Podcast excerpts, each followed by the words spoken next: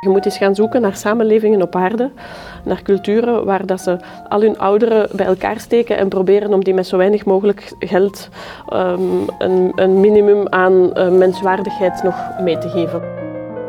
Je gaat zo meteen luisteren naar het gesprek dat ik heb gevoerd met Anneleen de Bonte. Uh, Anneleen is huisarts van opleiding en is dan als een soort kuifje terechtgekomen in de financiële wereld, de wereld van het pensioensparen. Eh, meer bepaald. Het is uh, zonder overdrijven een van de meest bijzondere gesprekken die ik al heb mogen voeren hier aan tafel. Wat vond jij ervan, Tom? Ja, heerlijk. Die is zo, die, zo, oh, zo, het is heel snel duidelijk dat hij bovengemiddeld intelligent is of zo. Het is echt heerlijk om naar te luisteren. Ja. En het, het, ehm, het engagement spat er ook tegelijk nog een keer af. Het is zo de droomgast voor ons, denk ik. Zo Ja, het was heel... Het was, ik herinner mij in de voorbereiding dat we ons afvroegen van oké, moeten we die persoon uitnodigen of niet? Ja. Er was heel weinig over haar te vinden.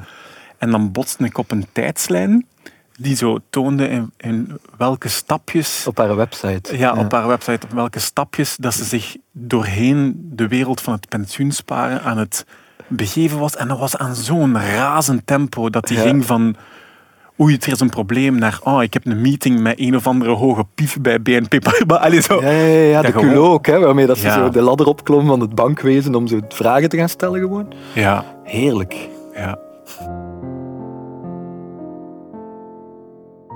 Je moet in huisartsgeneeskunde eigenlijk heel veel filteren. Dat kan ik al niet zo goed. Mhm. En je moet heel veel... Uh, eigenlijk is er best wel veel routine bij, behalve op een paar momenten, dan is het belangrijk. En dat zijn de momenten die ik interessant vind, maar die maken het ook wat spannend. Ja. Um, ik denk dat ik toch ook een soort faalangst had die permanent maakte. Dat ik zo als, alsof er elk moment uh, iets kon gebeuren dat heel... Uh, zo, dat ik ineens een heel grote fout zou gemaakt hebben en alles is om zeep. Zoiets. Ja, dat is een beetje... Ik bedoel, mag je dat één moment zo missen? Bijvoorbeeld, dat is mij ene keer gebeurd en uiteindelijk is dat dan iemand die, die waarschijnlijk anders ook het niet had gehaald. Maar toch, dat is zo vies. Dat is echt vies. Ja, dat klinkt, dat klinkt um, heel vies. Ja. Iemand die dan echt gestorven is ja. waarvan dat jij denkt van... Nee, ik had, de, ik had wel de honderd laten komen. Um, dat was een, een oudere dame, maar dat gebeurt altijd in een setting waar je denkt... Um, dat gebeurt altijd in een setting waar er heel veel redenen zijn waarom het misgaat. Hè. Dat is altijd zo. Ja, En dus de realiteit was dat ik op een huisbezoek moest komen voor haar man. Die, um, die palliatief thuis verzorgd werd en waar een probleem mee was. En dus je bent al, al lang bezig geweest met je man. Ja. En dan zeggen ze, gaat er ook eens even kijken bij ons moeder, want die is precies ook niet goed vandaag. Maar ja, ze heeft haar een beetje geforceerd en met de zorg voor. En, um, en, ja, en dan heeft hij toch wel wat een lage bloeddruk en dan, oh ja, die long klinkt echt niet zuiver. Um, maar eigenlijk besteed je daar niet dezelfde aandacht aan als wanneer je zou gekomen zijn voor haar. Ja, en achteraf, als je al de dingen terughoort in je hoofd die die mensen gezegd hebben, denk je, allee, ze heeft diabetes. Dat is een gigarisicofactor voor een, voor een infarct dat, dat een beetje ver, verborgen verloopt. Zo. Enfin ja, dus je... Um, en ik heb dan de honderd laten komen, want die dame was niet goed. Maar, maar gewoon het besef dat je zelf merkt van... Uh, man, man. En, en ze zag er ook echt niet goed uit, eigenlijk. Uh, maar heel die familie zegt, ja, ze heeft daar wat geforceerd en ze, heeft, en ze is, ze is doodmoe. en ze, je laat je helemaal... Ja. En dat, dat mogen je juist niet doen, maar als je, als je wat empathisch bent, dan doe je dat vanzelf. Zo uh, um, overnemen wat, dat er, um, wat dat er daar al rondhangt. Ja, ja. Uh, en dus achteraf hoorde dan van die is met een 100 in het ziekenhuis aangekomen en stilgevallen daar. En ze hebben die dan nog wat gereanimeerd, maar dat is niet gelukt. Nu had ik toch de mug gebeld direct. En, dat, en dan, uh, dus voor die dame had het waarschijnlijk niet veel verschil gemaakt, want het was al van s morgens bezig ook. Uh, en time is muscle, time is muscle zeggen ze bij infarct. Dat is, een mug of honderd, dat is hetgeen wat je Dat is wat op dat moment het verschil kan maken, want time is muscle. Waar ik mee worstel is dat ik gewoon uh, vaststel dat mijn, ah, dat mijn verstand zo gefaald heeft. Ja? ja. Dat, dat, ik, dat ik aan het meest obvious en het meest belangrijke op dat moment niet gedacht heb. Dat is echt, uh, dat is echt raar. Maar. En een ander stuk dat belangrijk is, is dat je um, uh, dat, dat ook meespeelt. Ja, is dat mensen wel echt een, een pak op je bureau komen leggen, zo, iets van u verwachten. En ik, ik voelde dat ook heel hard zo en ik wou daar ook echt verantwoordelijkheid voor nemen, maar ik nam er wat te veel, denk ik. Want je hebt kwartiertje. Hè. nee, nee, mhm. we, we, we, probeerden dan wel onze agenda zo te maken dat we drie patiënten per uur moesten doen, dat we wat tijd konden nemen, maar dan nog... Ja, dat is 20 minuten. Ja, en eigenlijk de dingen die ik interessant vind, is dan juist van een beetje doorgaan op die manier, mhm. maar waarom...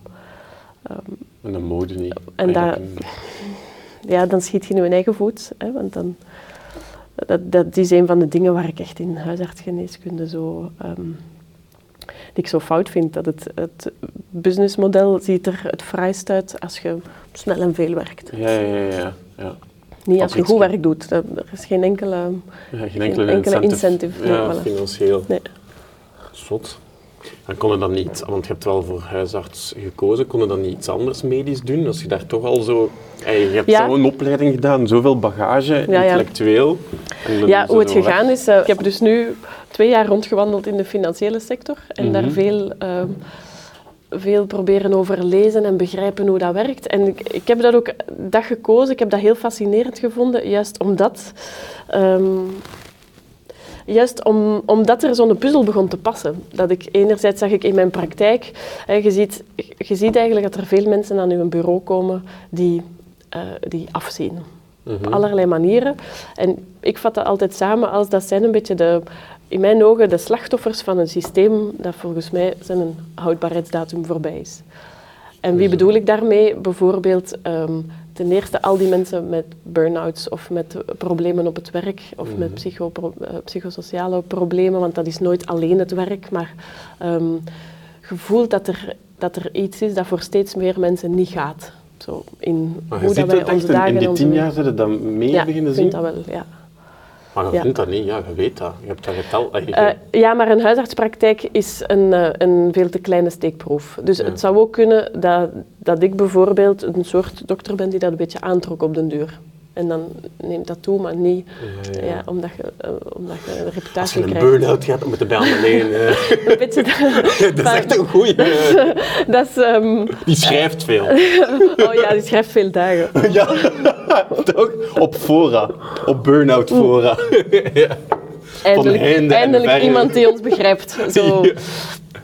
Um, Ah, wel, dus ik, ik, je mocht dat nooit zeggen. Als je wat dat je op schaal huisartspraktijk ziet gebeuren, mocht je nooit veralgemenen naar de samenleving. Maar anderzijds, uh, het volstaat om de cijfers er een beetje op na te trekken.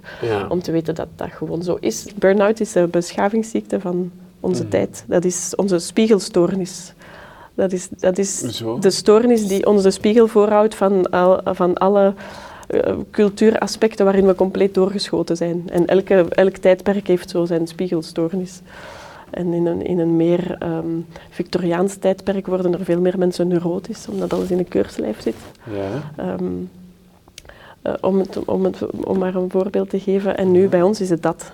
En wat ik het meest verontrustend vind, is de verschuiving in de leeftijd ook. En dat heb ik wel in de praktijk toch ook echt gevoeld, dat de, dat um, de zo de, de faalangst en de stress schuift door naar de adolescenten en de jongeren en op den duur zelfs de kinderen. Er zijn zelfs kinderen in de kleuterschool die, die braken van, van stress voordat ze naar school vertrekken. Um, dus dat is wel zoiets waar ik denk.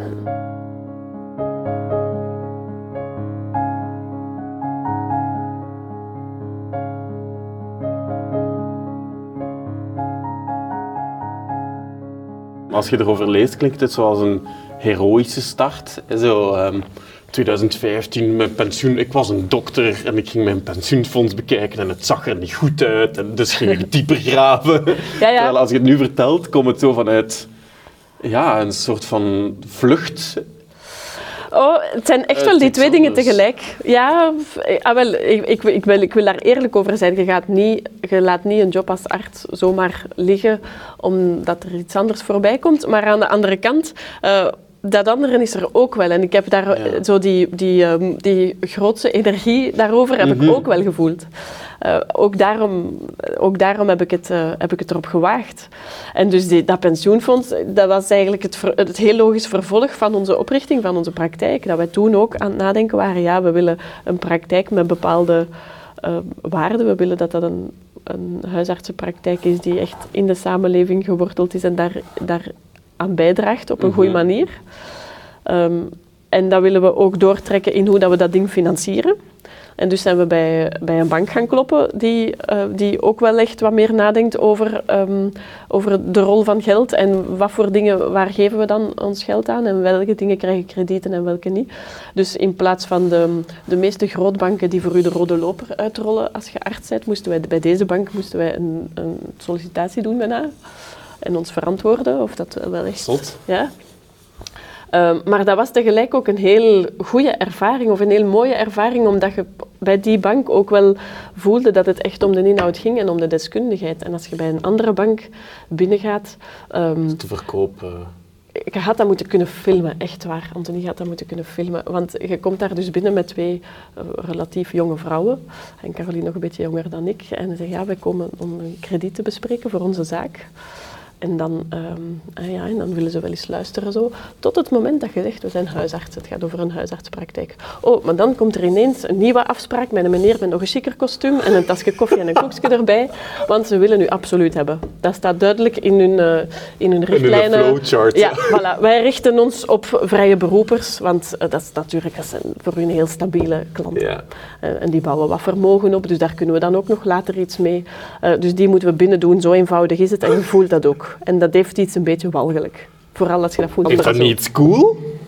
Ja, je aan, de, het langste eind trekt wel, maar je beseft ook dat het dus het omgekeerde even goed gebeurt. Oh, ja, ja, ja, maar ja, wat zit jij daar dan verantwoordelijk voor? Het is toch gewoon, je, denkt, hebt er zo lang voor gestudeerd. We hebben daar goed mee gelachen, we hebben daar goed mee gelachen, maar we vonden dat is toch wel ook, ja, ik vind dat wel ook, bon, zo werkt het, hè, maar dat, dat toont wel dat de middelen niet noodzakelijk gaan waar ze het meest nodig zijn of het meest zinnig zijn. En de, de, ja, de, dat is, dat is dus iets waar je... Als je chique behandeling was voor u een reden om nog minder bij die bank te willen zijn? Ah, wel, die, die man met dat kostuum heeft ons zeer interessant en goed advies gegeven. Dus het is ook weer genuanceerd. Dat was, allemaal, dat was niet allemaal negatief, maar ik vond op zich... Zo, ik vond dat dat wel zichzelf ontmaskerde, dat systeem, op die manier. Ik vond dat, dat, ik vond dat wel echt, echt een beetje... Een, ineens zag ik het theater daarvan zo. Um, en dan bij die andere bank, uh, niks theater. Allee, gewoon, uh, wat ga je doen en hoe, wilt je dat doen en waar kunnen we helpen? Dus zeer deskundig en zeer grondig, maar, wel, um, uh, maar het ging wel over wat het moest gaan. En de rente die je hier betaalt zal marktconform zijn. We gaan geen, we gaan u geen cadeaus geven omdat je nu toevallig dokter bent, gewoon. Ja.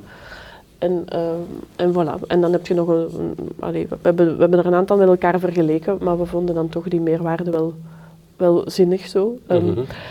maar, en dan in de, in de nasleep daarvan kijkt je ook eens naar al die andere dingen die je op dat moment in gang moet zetten. Hè, van ja. verzekeringen en pensioensparen. En, en toen was ik ook wel eens beginnen uitrekenen van ja, um, eigenlijk hoeveel geld hebben die in mijn naam in allerlei financiële producten geplaatst. En wat is dat dan? En van alle artsen samen, hoeveel is dat dan? Dat waren de pensioenfondsen die je tot dan had opgebouwd. Dus pensioenen had tot dan had opgebouwd, waar ja. ik ervan ging kijken. Van ja, ja je krijgt dan elk jaar zo'n stand van zaken. Hè. En dus zeker als het gaat over de dingen waar ik dan, uh, die ik belangrijk vond, van hoe...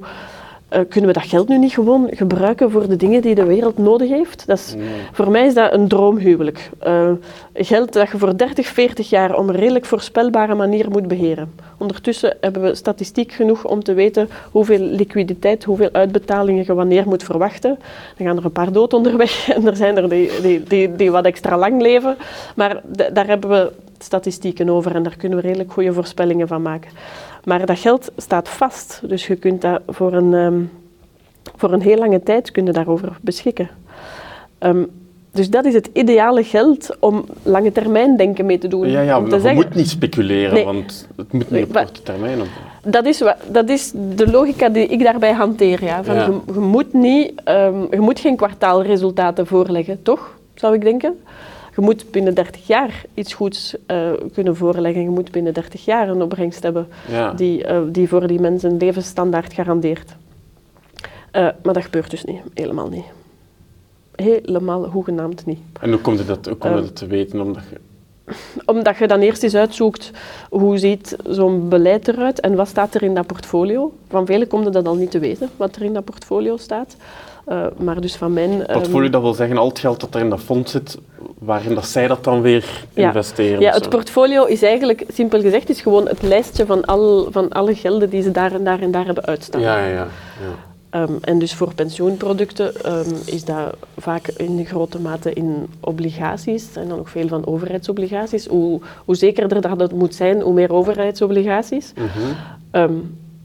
wat je trouwens heel zwaar in vraag moet stellen op deze moment. Want die, uh, die overheidsschuld mm -hmm. is niet zo houdbaar, laten we eerlijk zijn. Dat is ook al gebleken in Europa in de mm -hmm. laatste jaren.